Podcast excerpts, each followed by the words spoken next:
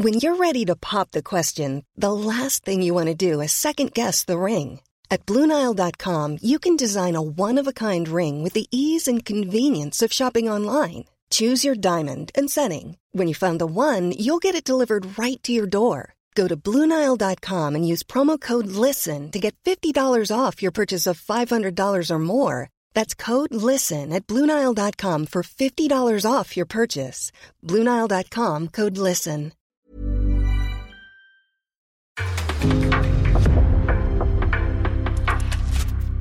En podcast från Aftonbladet.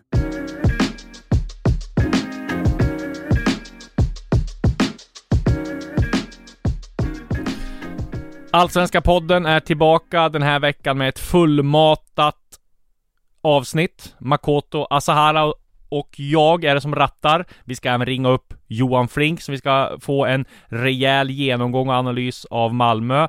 Och vi har med Mohamed Jehas som ger oss det senaste från Hammarbylägret. Och eh, om vi börjar i Stockholm då.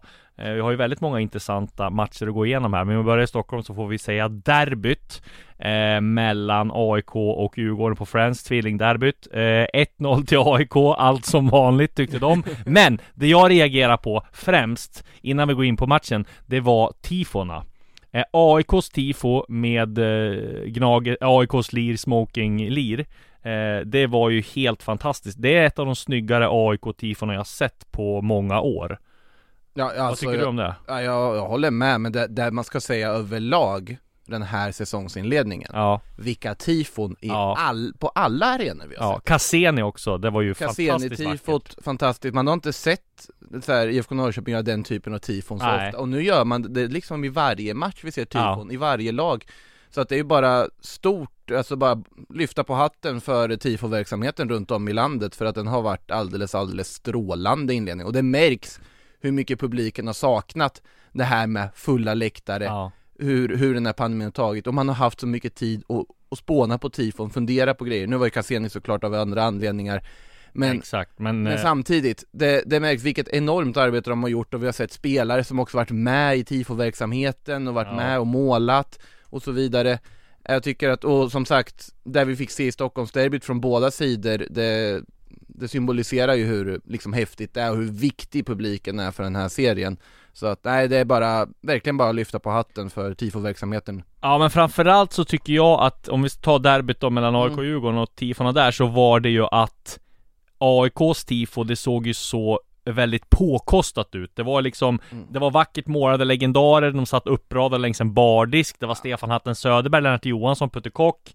eh, Bojan, Nebosja, Vadim Yevtusjenko och så såg det Gnaget stil Smoking Lee liksom. Det, det, för mig är det ett 5 plus tifo. Jag håller med, jag håller med Eh, och sen så var det ju Djurgårdens då också, som jag tycker fick, jag såg att Per Boman, eh, vår eminente kollega, satte 3 plus på det här. Jag hade nog velat gett det 4 plus, för jag tyckte vid första anblick så tyckte jag så här, ja men det där ser inte så speciellt ut. Men sen när man började studera noggrannare så var det ju faktiskt väldigt vackert det också med Sven Tumma, en boll i handen, klocktornet i bakgrunden och det var väldigt stilrent framförallt tyckte jag. Och en viktig poäng också, det är ett borta tifo Exakt. Och det, det är mycket svårare att få ihop ett tifo på en läktare du själv inte brukar jobba på med allting som hör till Tänker jag spontant. Ja. Att, alltså det, det absolut så tycker jag att 3 plus är i underkant på det här tifot med.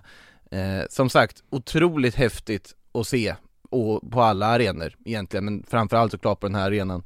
Alltså på, på derbyt här nu också med två supertifon. Och man, när man tittar på AIKs TV, jäklar vad, vad dyrt det måste vara att göra sånt där. Och vad mycket, vad mycket Tid. tid det måste ha lagt ner. Så det är en, en, en stor hyllning till, till alla som Men det är koreografi, det är allt, Ja. alltså Jag vet vi såg väl, det var väl Hammarby som hade den här båten som rörde sig också Ja, och så vidare i premiär, alltså den typen av tifon De har tagit ett steg till verkligen Mm. och det Det roligaste är ju med det här att alltså vi har ju sett här i huvudstaden har vi ju sett fantastiska tifon under ganska många år på, på stora matcher och i Ja. derbyn Men att det här har dragit med resten av allsvenskan, som det har gjort Ja, jag tänker på Sirius, jag tänker Ja. på, ja men eh, IFK Göteborg har också gjort stora Verkligen. tifon, men det här lejonet Ja. var ju också fantastiskt. Ja, så det är ju nej. väldigt många. Men om vi tar själva matchen då, så får vi säga att AIKs seger, ja, ganska kassaskåpssäker ändå, även fast det blev lite nervöst i slutet där och de hade ju, Hjalmar Ekdal hade ju jättechans att, att kvittera. Men det säger väl en del också när det är Hjalmar Ekdal som har de vassaste chanserna att Djurgården inte fick till sitt anfallsspel. Får vi säga Magnus Eriksson heller inte i den bästa formen, blev också utbytt den här matchen. Han var väl inte jättenöjd med det. Men, eh, och, och Viktor Edvardsen var väl inte sådär i, i, i jättebra slag heller, fick väl en del chanser men inte sådär jättemånga. Men det som imponerar tyckte jag var AIKs defensiv, att de är så, så pass stabila och sen är det ju tillfälligheter som avgör. Det är ju liksom en, en ett misstag av Hjalmar Ekdal där som gör att Nicolas Stefanelli kan vinna, mm. eh, vad heter det, nickduellen. Vad, vad, vad är din take på, på hela derbyt? Ja, taken är ju, alltså den klassiska att det är i princip svåraste laget att möta i serien är ett AIK med en 1-0 ledning. Mm. AIK tappar inte en 1-0 ledning hemma på Friends, de gör det inte i ett derby mot Djurgården och ja, allt det här, vi kommer ju in på det här lite också, det här liksom munhugget som har varit både mm. före och efter match, men en klubb som AIK är ju vana vid att hantera den här situationen. De är vana och trygga i derbysituationen, de är trygga på Friends Arena och i och med då, ja såklart, det är tillfälligheter till viss del som ger dem målet, men samtidigt, de gör fortfarande det här målet och då vet man på något sätt, men de kommer att lösa det här. Djurgården har Alltså det, det gäller ju att bygga relationer mellan spelare offensivt i början av säsongen när de har fått in mycket nytt folk. Viktor Edvardsen, fantastisk anfallare, Sead Sabanovic, en fantastisk fotbollsspelare. Men de måste ju också börja bygga någon form av relation, det tar tid. Vi har ju en Wikheim också som inte alls riktigt kommit igång med Djurgårdströjan än och det, det Man märker inte, det nej, inte. Exakt, och han fick ju en rejäl, Wikheim fick ju en rejäl sågning och skrot ja. av Axén va, som sa att sådana där spelare kan man inte ha. Jag tyckte han var för hård, visst.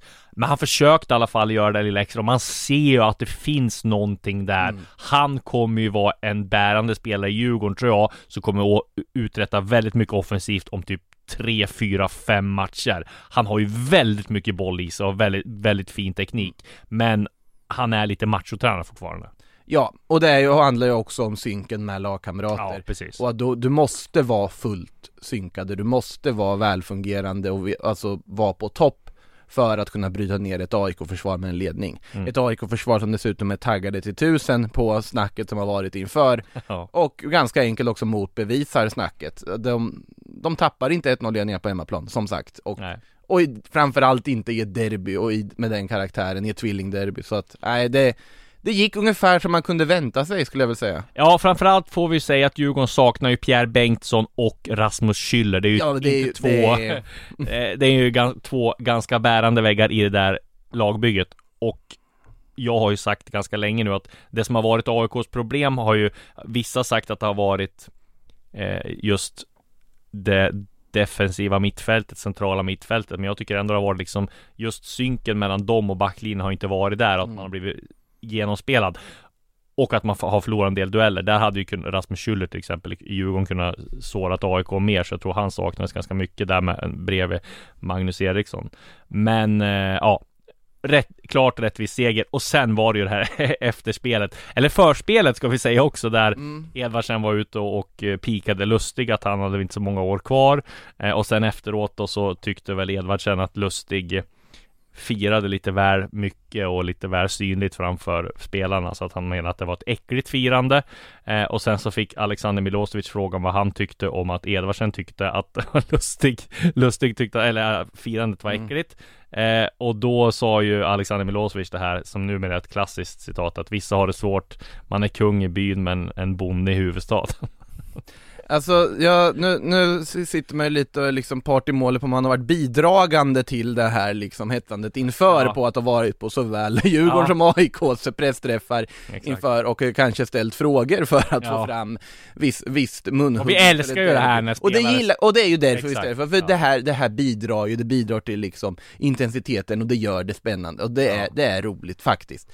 Eh, Edvardsen är ju en spelare som säger vad han tycker, rakt på sak. Ja. Eh, om man får en fråga om någonting så kommer han säga exakt vad han tänker och känner, vilket många kan tolka på olika vis. Samtidigt, om det är några du inte ska gå ge på, bränsle. Så, ja, och ge bränsle så är det ju en spelare som Mikael Lustig, ja. som väldigt enkelt kan skjuta ner sådana saker med att konstatera att, ja men visst stämmer det, jag är ingen snabb, det har jag aldrig varit.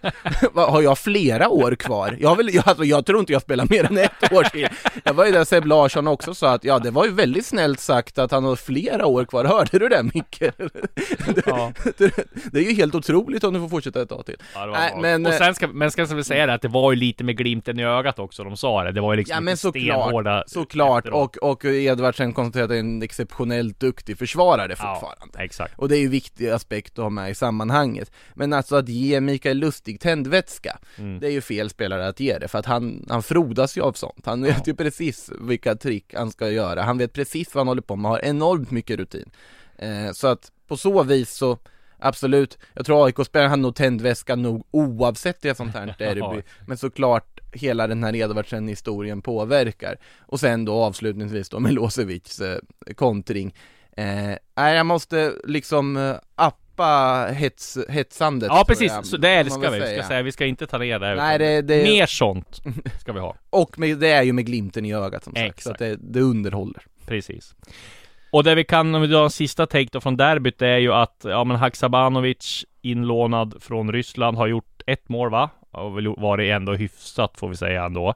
Eh, Joran Larsson har bidragit med en assist, men det är inte så här att de eh, har klivit in och kört över allt. Det är som vi kommer eller som vi konstaterade för något avsnitt sedan, att det kommer ta tid för de här Rysslands lånen att anpassa sig liksom. Och de är som bäst när de lämnar, vilket är naturligt. Ja, det är ju det att de för dem blir det ju lite det här att man är här för att hålla igång såklart ja. att de kommer ge 100% på planen när de är där för sina lag Men också, jag vet att pratade med Jordan Larsson om det där inför derbyt mm. och han sa att det är ju ni som stressar upp oss ja. Alltså jag, jag är inte dugg stressad över det här, att det här kommer gå jättebra och jag vet att Bartosz Grelak var ju inne på också att Ja men han, alltså han har sett i väldigt bra form mm. Han verkar vara i väldigt bra form sett till hur lite matcher han har spelat, han måste ha tagit hand om träningen väldigt väl ja. I Aksabanovic fall, där ser man ju också så här, Han är ju, jag tycker att om man ska jämföra honom med någon, jag vet inte om jag sagt det här förut i något poddsammanhang också men att om man ska jämföra honom med någon typ av spelare liksom internationellt sett mm. så är det ju Eden Hazard Exakt. I sättet han rör sig, i sättet han alltid har bollen limmad i fötterna, hela tiden hittar konstruktiva lösningar, ja, hittar lagkamrater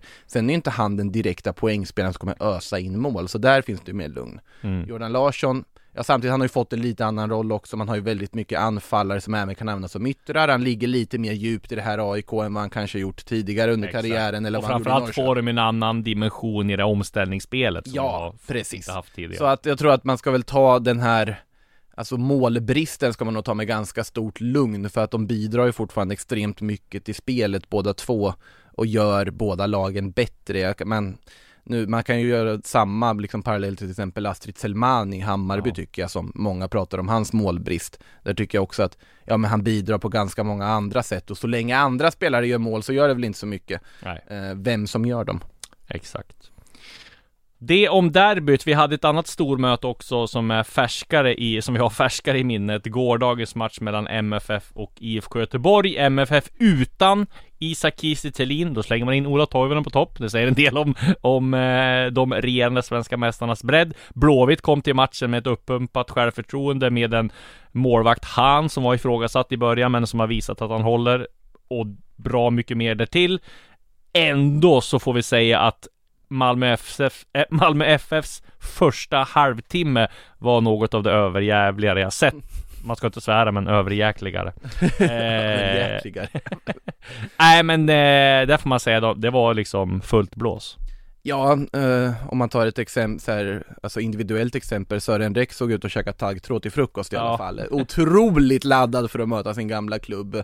Eh, såklart var ju lite infekterat när han flyttade till Malmö och han, den liksom infektionen har ju inte lagt sig om vi säger så på Sören Rex inställning till det här. Nej men Malmö är ju, de ska vara på den här nivån. De ska vara på en nivå där man bara kan liksom skölja över motstånd på det här sättet de gör. De ska vara där. Och eh, såklart, de kan inte vara där alltid. De kommer ha sina dippar och så vidare. Men mm. här totalt sett, ja det är inget snack om att de tar en, tar en rättvis seger i slutändan, även om det såklart blev lite dramatik ändå. Ja, verkligen. Men det var ju samma sak som med, med AIK och mm. Eh, Djurgården, att leder man bara med 1-0, även fast det har varit hur stabilt som helst, man leder med 1-0 när det går in på övertid, så kan man ju alltid förlora. Det kan mm. alltid bli en slumpmål. Så, så stor skillnad är inte på lagen i Allsvenskan. men ändå imponerande av MFF. Och jag tror inte, när jag såg intervjun med eh, Micke Stare där efter matchen på Discovery så han var inte alltför nedslagen heller. Han konstaterade att Malmö var mycket bättre än oss. Det här var liksom mm. ingen snack, men vi har ändå chansen och är med. Matchen lever i 90 plus tillägg. Eh, och jag menar... Och, och bara där tycker jag att det här var ju ett styrkebesked av IFK Göteborg på så Absolut. vis också. Ja. Att man ändå, man tar poängen mot Djurgården, man är med i matchen som man är mot mm. Malmö och du har de här vinsterna inför. Det är ju ganska uppenbart att åtminstone jag har underskattat vart IFK Göteborg ja, är. Ja men det tror jag alla har gjort. Ja alla har nog gjort det. Sen, sen om de håller för topp 4 i längden, det är för Nej. tidigt att säga det beror på fortfarande. vad som i sommar också med Wilhelmsson och Så är det naturligtvis. Sam Larsson. Ja, men de kan ju också få in spelare i sommar, det är där med som kan göra dem bättre. Men alltså tendensen är ju väldigt positiv och det känns som att det finns någon positiv anda i både föreningen och staden just nu kring mm. den klubben som vi inte har sett på ganska länge. Och det, det är båda gott. Jag tror att den här förlusten absolut är en förlust mot en rival, det svider såklart, men samtidigt det är en förlust man kan räkna med, en förlust där man visade ganska mycket positiva tendenser. Däremot tror jag att vinsten för Malmö kan vara väldigt, väldigt, väldigt dyrköpt sett till eh, vem som fick bryta den matchen. Ja, precis.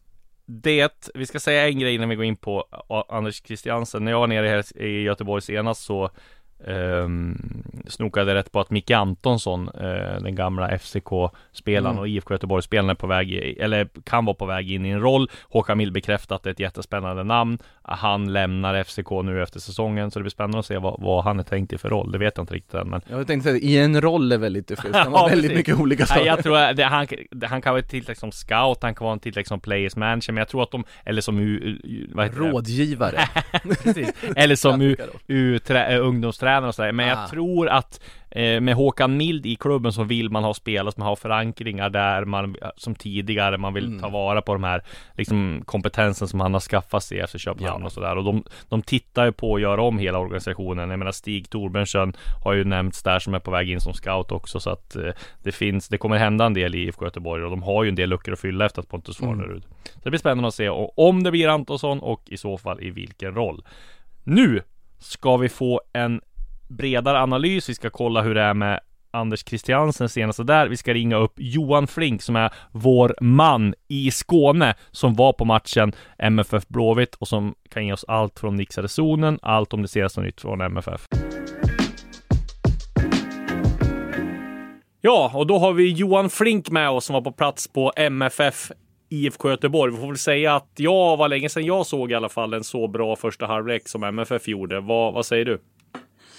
Nej, det är bara att hålla med om. Jag kan inte komma ihåg när de senast eh, kom ut då, eller egentligen presterade en sån, eh, ja, halvtimme i varje fall, ja, första halvlek, men framförallt första halvtimmen. Det var ju en eh, otrolig anstormning och det Värnamo bara för några dagar sedan och man kunde undra om det var samma lag egentligen. Eh, det var exakt det i och för sig. Det var ju lite en annan formation och, och spelare i nya roller och Toivonen från start och så vidare. Men eh, det var svårt att se att det skulle vara eh, samma lag egentligen som spelar 0-0 uppe i Värnamo.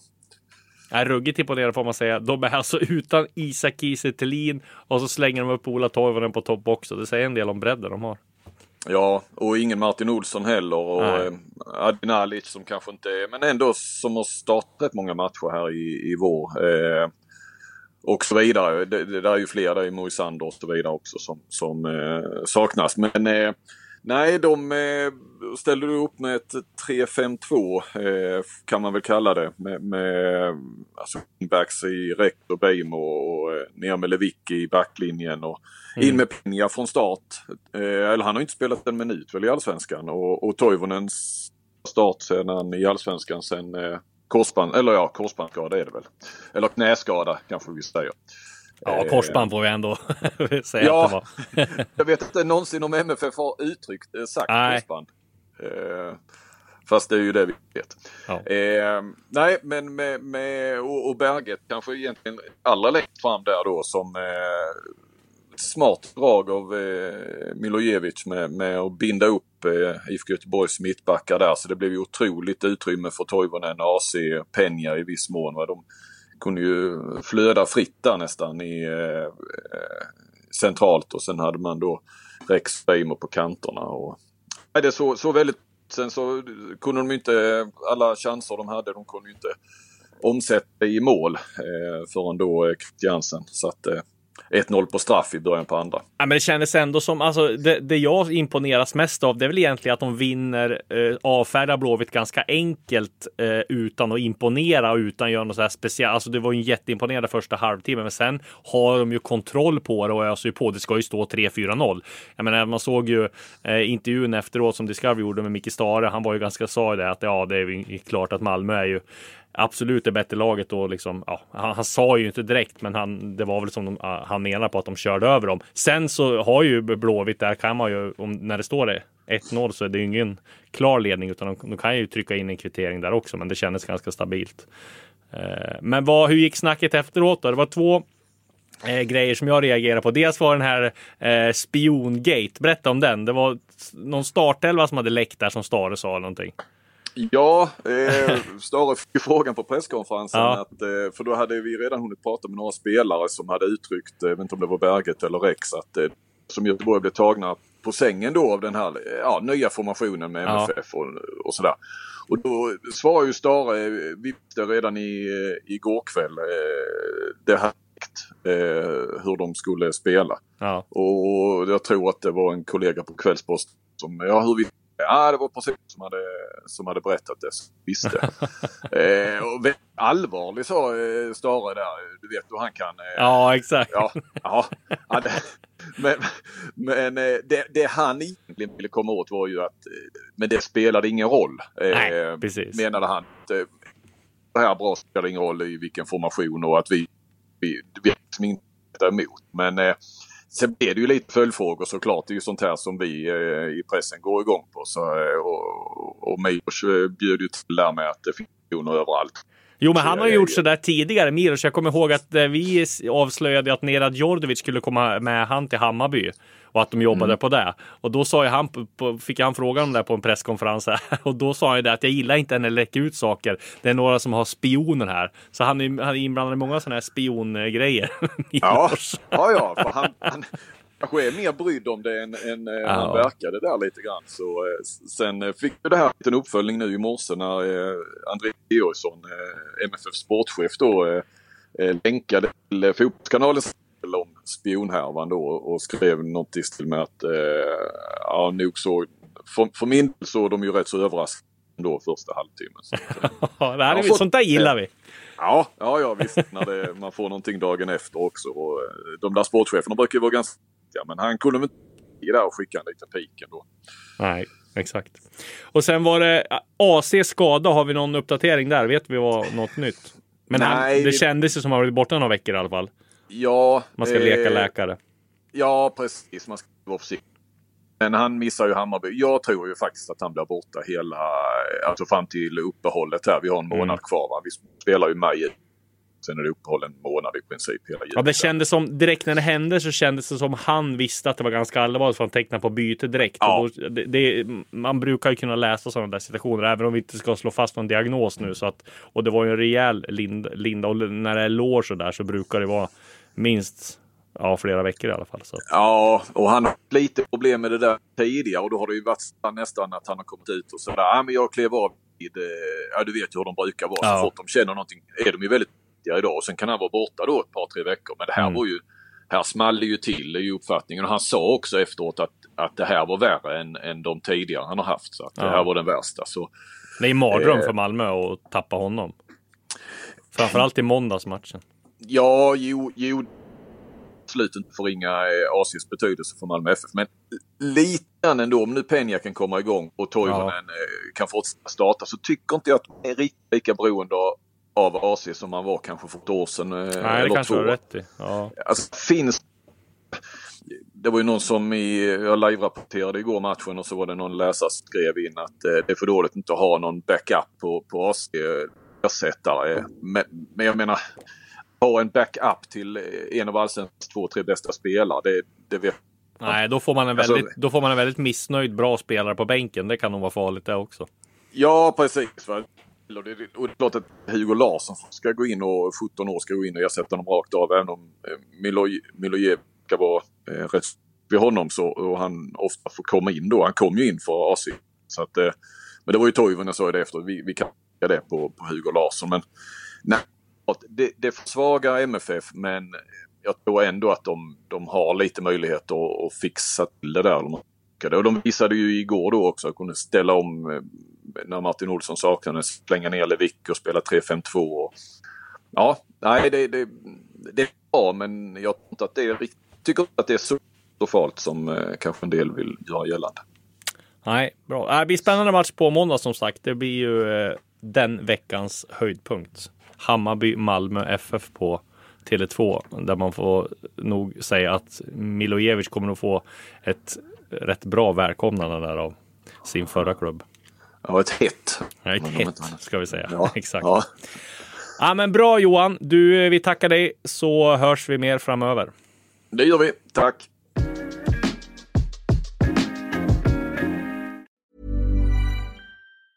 When you're ready to pop the question, the last thing you want to do is second guess the ring. At BlueNile.com you can design a one-of-a-kind ring with the ease and convenience of shopping online. Choose your diamond and setting. When you find the one, you'll get it delivered right to your door. Go to Bluenile.com and use promo code LISTEN to get $50 off your purchase of $500 or more. That's code LISTEN at Bluenile.com for $50 off your purchase. Bluenile.com code LISTEN. Och eh, vi får väl säga det att vi vet inte exakt hur det är med AC, men som eh, Flink sa här så sa ju AC själv att det här, den här gången, för han har haft problem med lår tidigare, den här mm. gången är det värre, trodde han då. Så att vi kan väl räkna bort honom mot, i toppmötet mot, mot Hammarby här på måndag. Och vi kan väl också, tror jag, inte att vi får se honom speciellt mycket eh, mer den här våren. Om man, det vill sig illa. Men det såg väldigt illa ut. Dels som, som vi var inne på här, att han vinkade för byte ganska snabbt. Han lindades ganska hårt och sådär. Så att det vore ju ett dråpslag för dem. Ja, alltså... Jag i alla fall. Eh, Flink eh, tycker menar på att det finns ja, ersättare, Penja kommer in och sådär, men jag tycker ändå ACs betydelse. Ja men det är en lång skadelista. Ja. Det är en lång skadelista nu som börjar byggas upp där och det är ju såklart oroväckande. Sen är det ju, om det är någon trupp som ska kunna hantera en lång skadelista så är det ju Malmö. Så är det. och bara ha Sergio Peña, peruansk landslagsman och bara, ja men han går in och ja. fyller rollen lite. Exakt. Det är lite upp till bevis för honom, han har ju också haft sina skadebekymmer så att, ja, ja nej men det är såklart oroväckande. AC är ju, alltså objektivt seriens bästa spelare när han är i form så att Ja, det, det får vi absolut säga och det går ju inte att poängtera nog heller att de vinner utan Isak Kiese och slänger in Ola Toivonen. Det är en bredd som heter duga. Så är det. Ett annat lag som har en väldigt eh, bra bredd som heter duga, det är Hammarby som har tog sin femte raka seger här eh, efter att ha vunnit mot Sirius ganska klart. Två mål av Williot Svedberg och anmärkningsvärt är att jag tror att Sirius hade på expected goals 0,3 0,4 procent. Det ser man inte ofta. De hade väl ett av, halvt avslut på mål typ. Alltså det är ett styrkebesked tycker jag att åka till studenternas och eh, ja, spela ut Sirius på det sättet som mm. Hammarby gör nu. Eh, jag har varit inne på det tidigare också men nu, nu är det fem raka segrar. Eh, såklart, de här absolut på pappret tuffaste testen har de inte ställts inför än. Det kommer nu mot Malmö och då är det såklart passande för Hammarbys del att det är ett Malmö utan, ja, utan vissa sådana tongivande spelare. Så äh, det, det är väldigt, väldigt mycket upp till bevis. Jag tror att om de skulle vinna mot Malmö också, då kommer nog eh, Alltså, Taket lyfta på Tele2. Sociala medier kan bli svåra att hantera om du inte kan hantera grön, grönvit hybris, för det är nej. nog där som kommer råda då. Eh, nej men eh, såklart, alltså att Williot Sveberg kliver fram här, gör det han gör, det är ju en otroligt intressant, spännande spelare, men det som slår mig med det här Hammarby är ju hur hur välfungerande det blivit så pass snabbt under Marti Cifuentes. Mm. För det är tydligt att hans idéer, att spelarna har köpt konceptet rakt av från första början. Han har kommit väldigt långt, han har ju varit inne hela tiden på att det är en process och att han fortfarande, alltså de inte är på slutprodukten än. Eh, men de har kommit väldigt långt på, mm. på vägen för att det är ett stabilt lag, det är ett Hammar, Hammarby inte ett lag vi förknippar med stabilitet. Men det här Hammarby är bevisligen ett lag som ska förknippas med stabilitet, för man tar tre poängarna Vissa matcher så dröjer det med att de får det där första målet, vissa matcher så är det lite på gränsen, men konstant så har du någon sorts grundtrygghet. Mm. Du har en trygghet i en startelva som känns ganska rotad här och nu. Han får ett angenämt problem när spelare som Abbe Khalili till exempel kommer tillbaka från skada, hur ska mm. han slottas in i det här laget?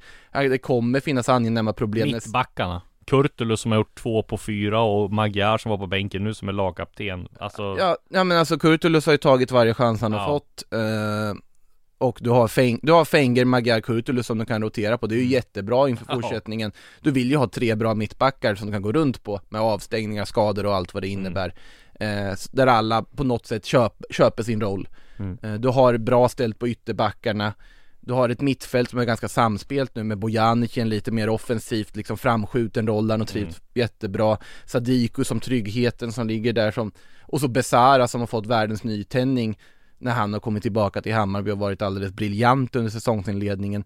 Ludvigsson i sin klassiska roll. Du har Astrid Selmani i en mycket mer grovjobbande central forwardsroll och sen då Svedberg på kanten. Ja, det... Du har Laddo på bänken Laddo som, alltså det, det, finns en tydlighet, det finns en ja. tydlighet vi inte har sett i Hammarby på väldigt länge och den tror jag bådar väldigt gott och signalerar att det här Hammarby faktiskt är att räkna med. Man tror men såklart att det fanns tendens att, alltså Cifuentes kändes som ett rimligt val från början Verkligen. Men man trodde ju inte det skulle gå så här fort för dem att implementera det här lugnet och tryggheten i Hammarby som man har gjort För det, det är verkligen ett lugn och trygghet och en harmoni i den klubben just nu Kort bara innan vi ringer upp Mohana Jihaz så ska vi ta eh, och reda ut lite grann till Bubakar Steve Travelli. Han har ju haft lite skadeproblem här, var inte med senast. Han har varit spelklar ganska länge. Mm. Som jag fattar det som så var det här för en månad sedan när han var med landslag så fick han ju en liten eh, smäll på ledbandet på knät som han haft problem med och där vill ju Hammarby inte att de går ut och kör för hårt i början här på konstgräs. Eh, och då har det gått, då brukar man säga att de ska vara borta 60 veckor då, då. Eh, och det är liksom två veckor kvar. Så jag hörde att han skulle vara eh, fit for fight. Eh, för några dagar sedan hörde jag att han skulle vara en till två veckor bort. Eh, nu är det väl lite oklart exakt när han är tillbaka. Det är väl ingen som vet. De tar det dag för dag, var det senaste jag hörde. Eh, men just det här med ledbandet är ju i knät, är att de vill ju inte riskera något i och med att han ska gå på konstgräs och sådär. Så att jag tror att det är svårt att säga exakt när han är tillbaka, men de har väl förhoppningen om, om några veckor, men sen vet man ju aldrig vad, vad som kan hända. Nej, alltså senast jag pratade med uh, Cifuentes då så ja. sa ju han också att det är verkligen oklart att veta ja. med Travalli när han kommer tillbaks. Sen har du ju också där, oavsett när han kommer tillbaka, Eh, alltså spanjoren håller ju Selmani väldigt högt ja, i det exakt. sättet han jobbar och så vidare. Det är inte helt enkelt att bara peta in Travalli och Nej. veta att det ska fungera. Exakt. Så att det, som sagt, de kommer att sitta på angenäma problem när du har en så pass, alltså många spelare som kommer tillbaka som vanligtvis är startspelare mm. som egentligen borde liksom slussas in. Hur ska det fungera? Men som sagt, det är ju angenäma problem. Och, eh, och jag menar, där det går så här bra så finns det ju noll anledning att stressa med Exakt, det finns, det finns ingen anledning att stressa på något Nej. vis där så att eh, Sen, sen såklart att vem vet vad som händer i nästa match och det kan bli ett stressläge från ingenstans på att Nej. det plötsligt dyker upp lite skador. Det är ju så pass oberäkneligt. Men just nu så finns det ingen anledning att uh, jäkta med någonting. Nej. Vi ska ringa upp Mohana Jehaz för att höra hans syn på uh, matchen uh, senast och de här vad Chifuentes har lyckats med och att de har lyckats så bra och vunnit eh, fem matcher i rad. Sen ska vi även ta upp en grej som kom ut här i engelska och skotska medier här, att han skulle vara aktuell för Celtic. Vad hör han säger om det? Ja, då har vi Mohana Jehaz med oss eh, som precis, eller precis, men igår spelade match mot Sirius och eh, en ganska klar seger, eller vad, hur upplevde du matchen?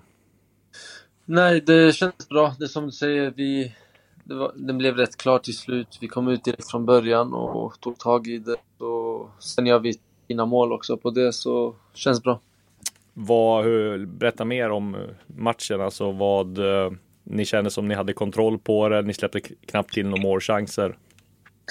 Ja, nej, vi har utvecklat defensiven jättemycket och igår kändes den eh, lite bättre till och med. Eh, blir bättre för varje match och vi stängde ner. Vi vet att de eh, gillar att hitta sina, eh, hur ska jag säga, nummer 10 spelare, Zeidan och av de här spelarna. Så vi stängde ner det ganska bra och lät dem eh, vara där på kanterna. Så nej, det var en bra taktisk plan som Martin la upp.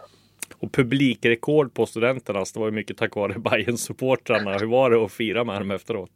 Nej, det var mäktigt. sa det i, i ringen exakt innan domaren blåste eh, typ grabbar, det här är vår hemmaplan. Det, ni ser själva runt om. Så tänk inte att det är bortaplan. Vi har mesta stödet där, så det är bara att köra på. Ja. Men det känns som ni har fått till det väldigt bra på kort tid här. Marti har ja, fått till både offensiven och defensiven som det kanske var lite frågetecken för eh, innan hur, hur fort han skulle få ihop det. Nu har ni fem segrar i rad. Hade du kunnat föreställa det här innan säsongen? Eh, klart, han kom eh, en månad eh, efter så vi tänkte att det skulle bli en liten, eh, hur ska jag säga, att det skulle komma igång lite senare kanske men vi eh, hade jättestor, hur ska jag säga, professionalitet i truppen när vi inte hade någon huvudtränare och körde på. Och sen eh, han har kommit in så han har fått en, alltså vi alla tror på det han säger. Det är inte så att han bara snackar utan han visar hur vi ska göra det också. Så nej, det är väl eh, det. Är väl det. Mm. Vad skulle du säga är hans spetsegenskaper som tränare som du har upptäckt hittills?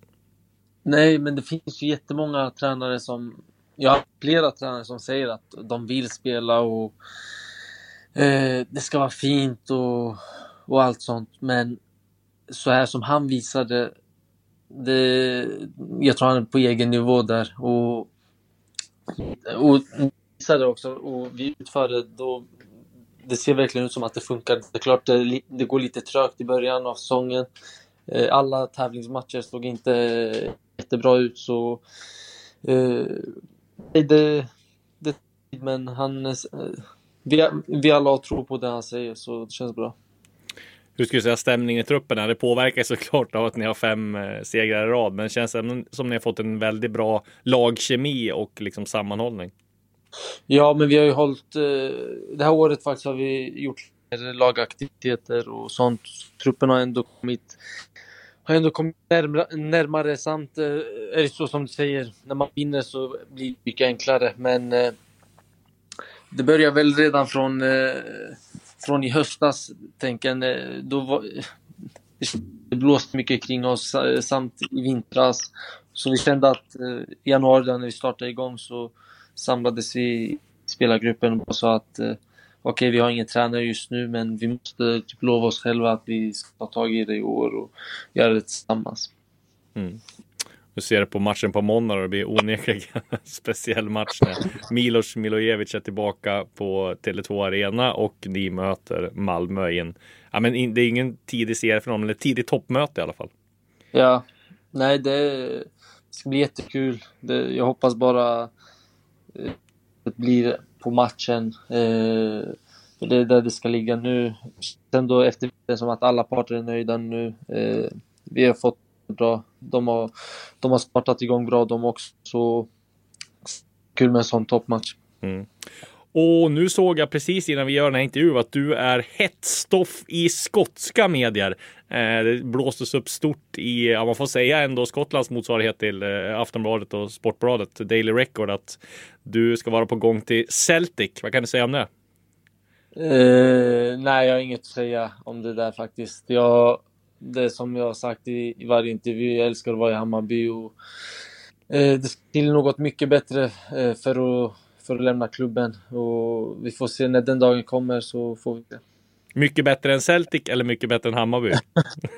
eh, nej, mycket, det ska till något eh, mycket bättre än Hammarby faktiskt. Ja, jag förstår. Annars är det, det är rätt färg i alla fall på Celtic.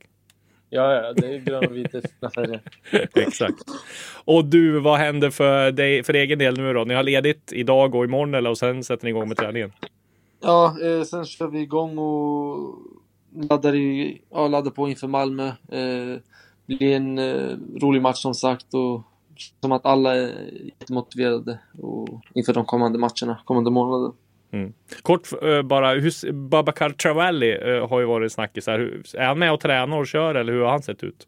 Ja men han, uh, jag tror de startar igång lite, de vill vara försiktiga där ute. Han ja. har kommit från, han har spelat i nu, jag vet inte hur länge och sen kom han till konstgräset så det, det är lite farligt och jag håller med om det kan vara lite farligt att bara trycka in han direkt och sen blir han borta två månader utan det är bättre att ta det sakta men säkert. Och, mm.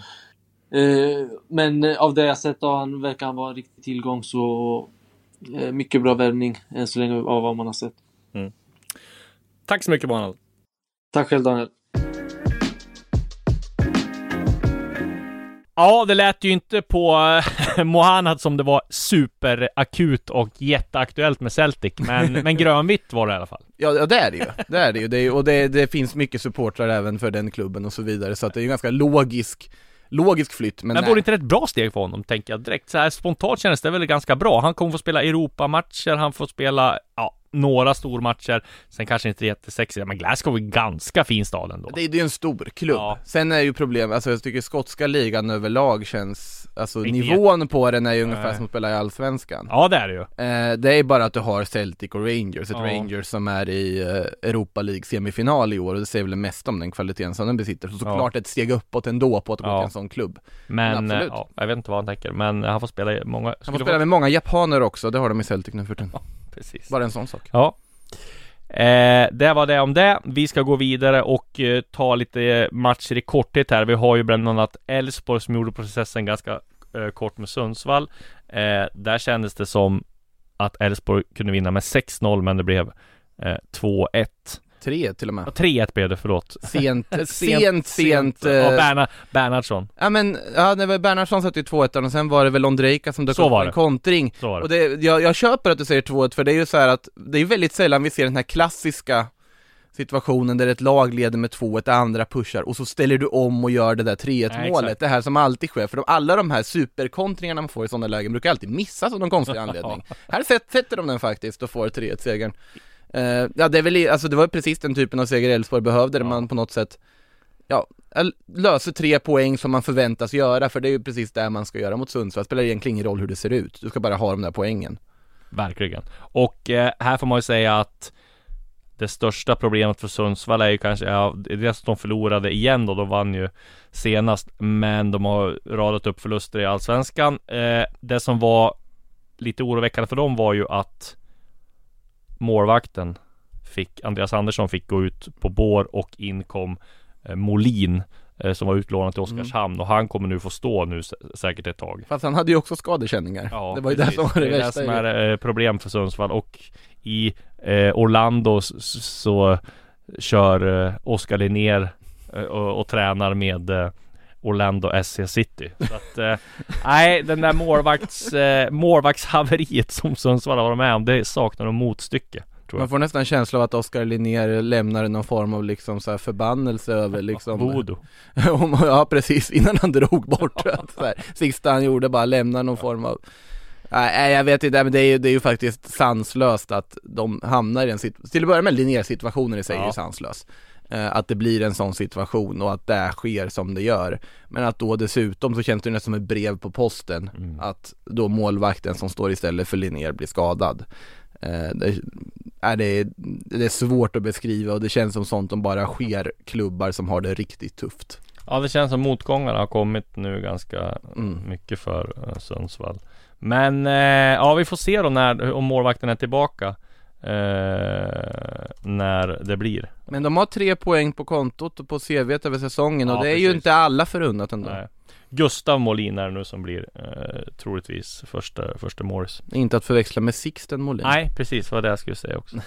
Men eh, om vi går vidare till eh, andra nykomlingar så har Värnamo får vi säga har gjort det väldigt bra. 2-0 mot Degerfors, kassaskåpssäkert. Degerfors ser inte bra ut. Alltså vilket haveri till försvar när, när eh, Oskar Johansson mm. gör 1-0. Det var en riktig hönsgård. Ja, sen tycker jag att Alltså insatserna som helhet tycker jag inte speglar fem torsk på fem matcher Nej. Men samtidigt så det i sig är väl också oroväckande att man sitter på fem torsk efter fem matcher En sån här match mot Värnamo är ju en match man ska ta någon poäng i Såklart bortaplan, det är inte lätt att åka dit och och, och knipa poäng egentligen heller mot ett taggat Värnamo som har satt ett ganska fint grundspel och har något intressant på gång Och framförallt har ju spetskompetens till Marcus Antonsson som gjorde mål igen. verkligen Det har visat sig vara en riktigt, eh, riktigt vass värvning för Det dem. förstod man väl i och för sig nästan på förhand att Ja men Alltså- kanske inte att han skulle vara så viktig Det är svårt att anpassa till en ny Hade vi att han har spelat i Ja ja men eh, Malmö, Halmstad, ja. Ja men alltså det är, det är en anfallare med rutin, Ja. en anfallare som vet vad det handlar om, en anfallare som kommer sätta sina lägen när han får det. Nu var väl det här hans första mål också i Allsvenskan, Mm. men eh, den här säsongen. Men samtidigt, en, en anfallare du vet att du kommer få ett antal mål ur på en säsong. Eh, sen om det, hur många det är återstår ju att se, men du vet att du kommer få någonting. Du vet att det kommer levereras någon form, han har rutinen. Och det, det är ju det som på något sätt saknas i Värnamo-truppen är ju just rutin. Mm. Du har många duktiga spelare som har gjort, gjorde det fint i Superettan, men just den här allsvenska rutinen. Och ur det perspektivet så var ju en värvningen av Antonsson klockren på alla sätt och vis. Ja det får man, får man absolut säga. Sen eh, då till eh, omgångens mest oväntade. Kanske inte resultatet mellan Helsingborg och Häcken. 1-1, det var det vad det var. Men flaggbränningen av Häckens supportrar. Först var det väl eh, Helsingborgs supportrar som snodde en flagga och sen gav Häckens supportrar igen och brände en flagga.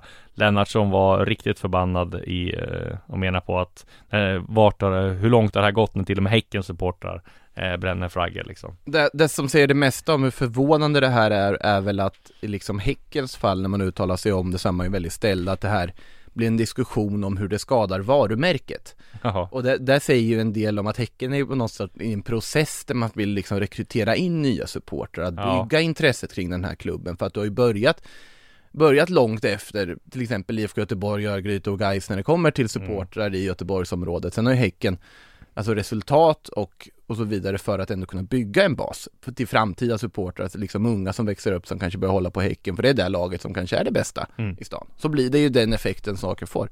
Eh, nej, det är ju såklart Alltså jag tror inte att man ska döma liksom Häcken-supportrarna bara för liksom vissa rötäggs Nej, beslut nej plocka. absolut inte. Nej, nej, nej, nej, nej. Det är ändå Det var ändå bisarrt att Det- se det- det är en flagga brinna. Det är bisarrt att se en flagga brinna och det är bisarrt framförallt att se det också i en bortaklack från BK Häcken. Ja. Absolut. Och man får ju hoppas att det här liksom stävs så att man, man ser till att det här inte blir ett liksom återkommande problem att eh, med allt för stökiga supportrar som förstör för andra. Eh, Men de har väl sagt det nu polisen att strategin är att man ska istället för liksom kollektiv bestraffning och villkorstrappa och så där ska man gå in och pinpointa och, och försöka hitta individer vilket, vilket borde vara såklart en självklarhet. ja, det, det, Men låter, det, blir, det, låter är ju såklart rimligt. svårt för att klubbarna vill ju inte heller stänga av, liksom eh, jobbar ju inte för att inte stänga av och, och, och ha allt för hårt mot sina egna supportrar och sen Ja, sen är det så här, hur hård ska man vara? Ska man vara helt avstängd ett år om man, om man liksom bränner en flagga eller ska man vara avstängd några matcher liksom? Jag, ska, jag kan tycka att Det, är- i, det, i, är i, väldigt svårt. Ja, det är skitsvårt eh, det där eh, och hur man ska göra. Men vi hoppas som sagt att de där problemen försvinner och att polisen kan lagföra individerna som missköter sig och inte, och inte syssla med kollektiv bestraffning. I övrigt var det väl en ganska trött match mellan Varberg och Mälby 0-0. Jocke Persson tar den.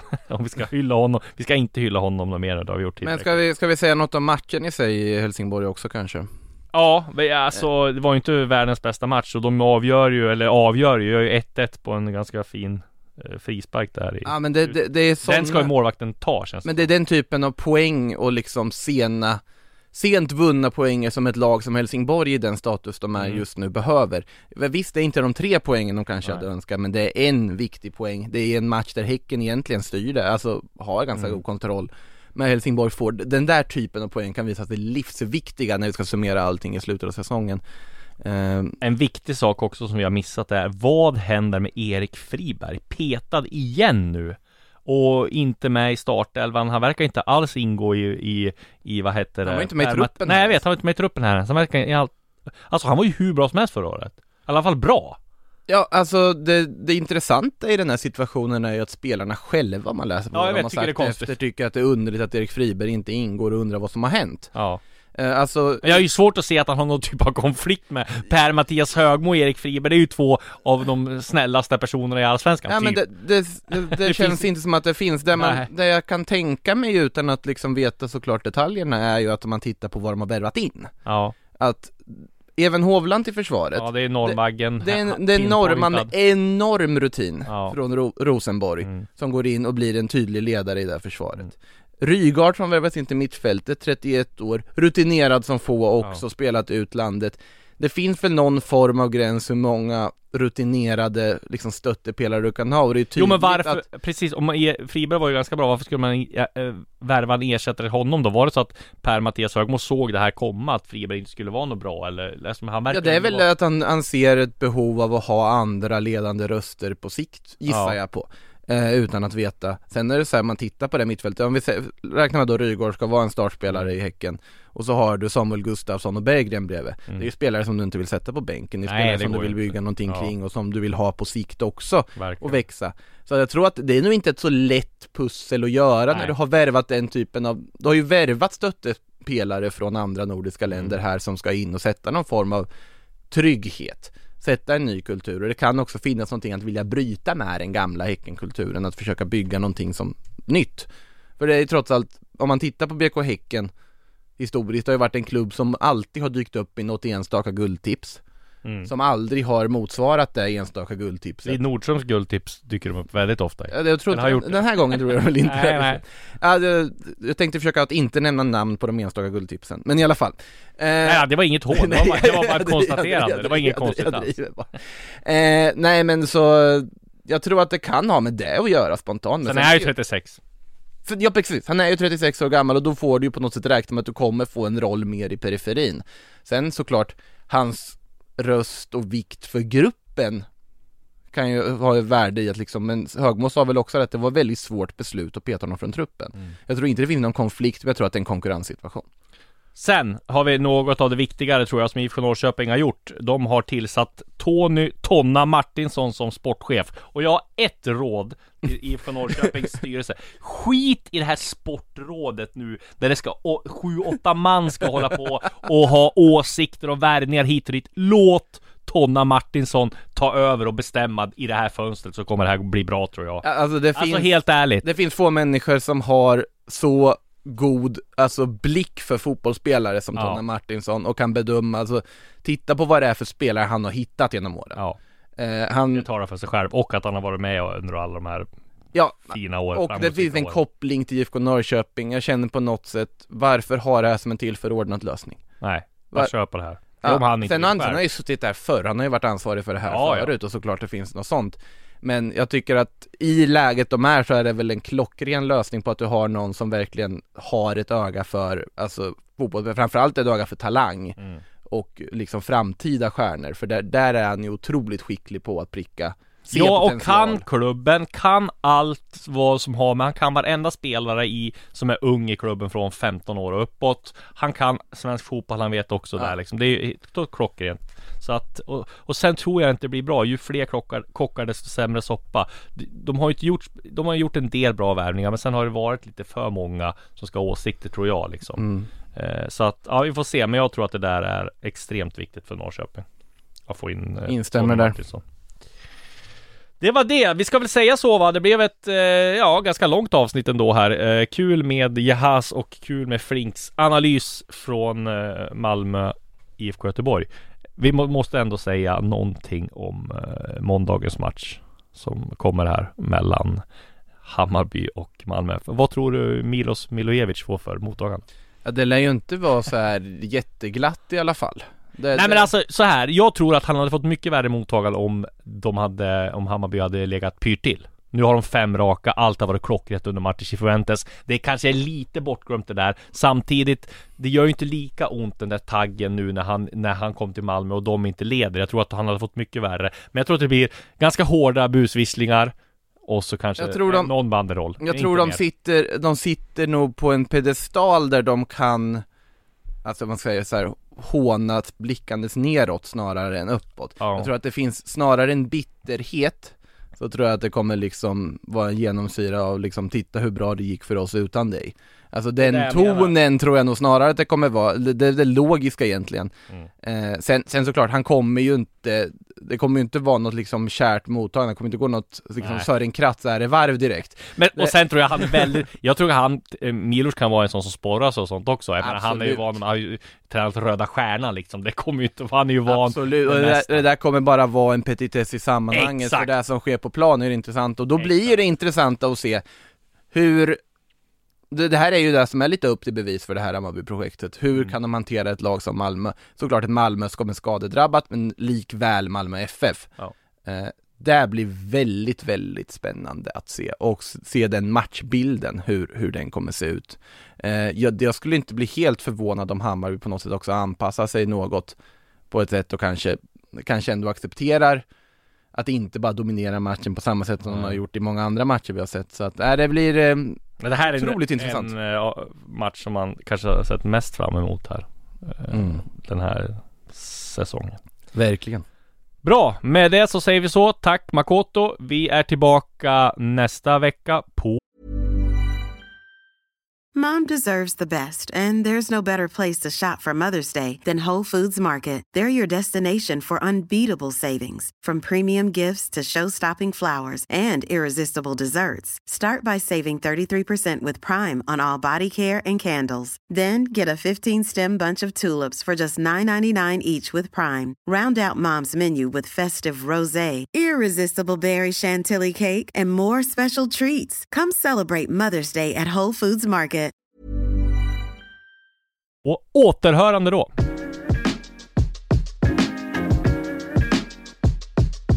Du har lyssnat på en podcast från Aftonbladet. Ansvarig utgivare är Lena K Samuelsson.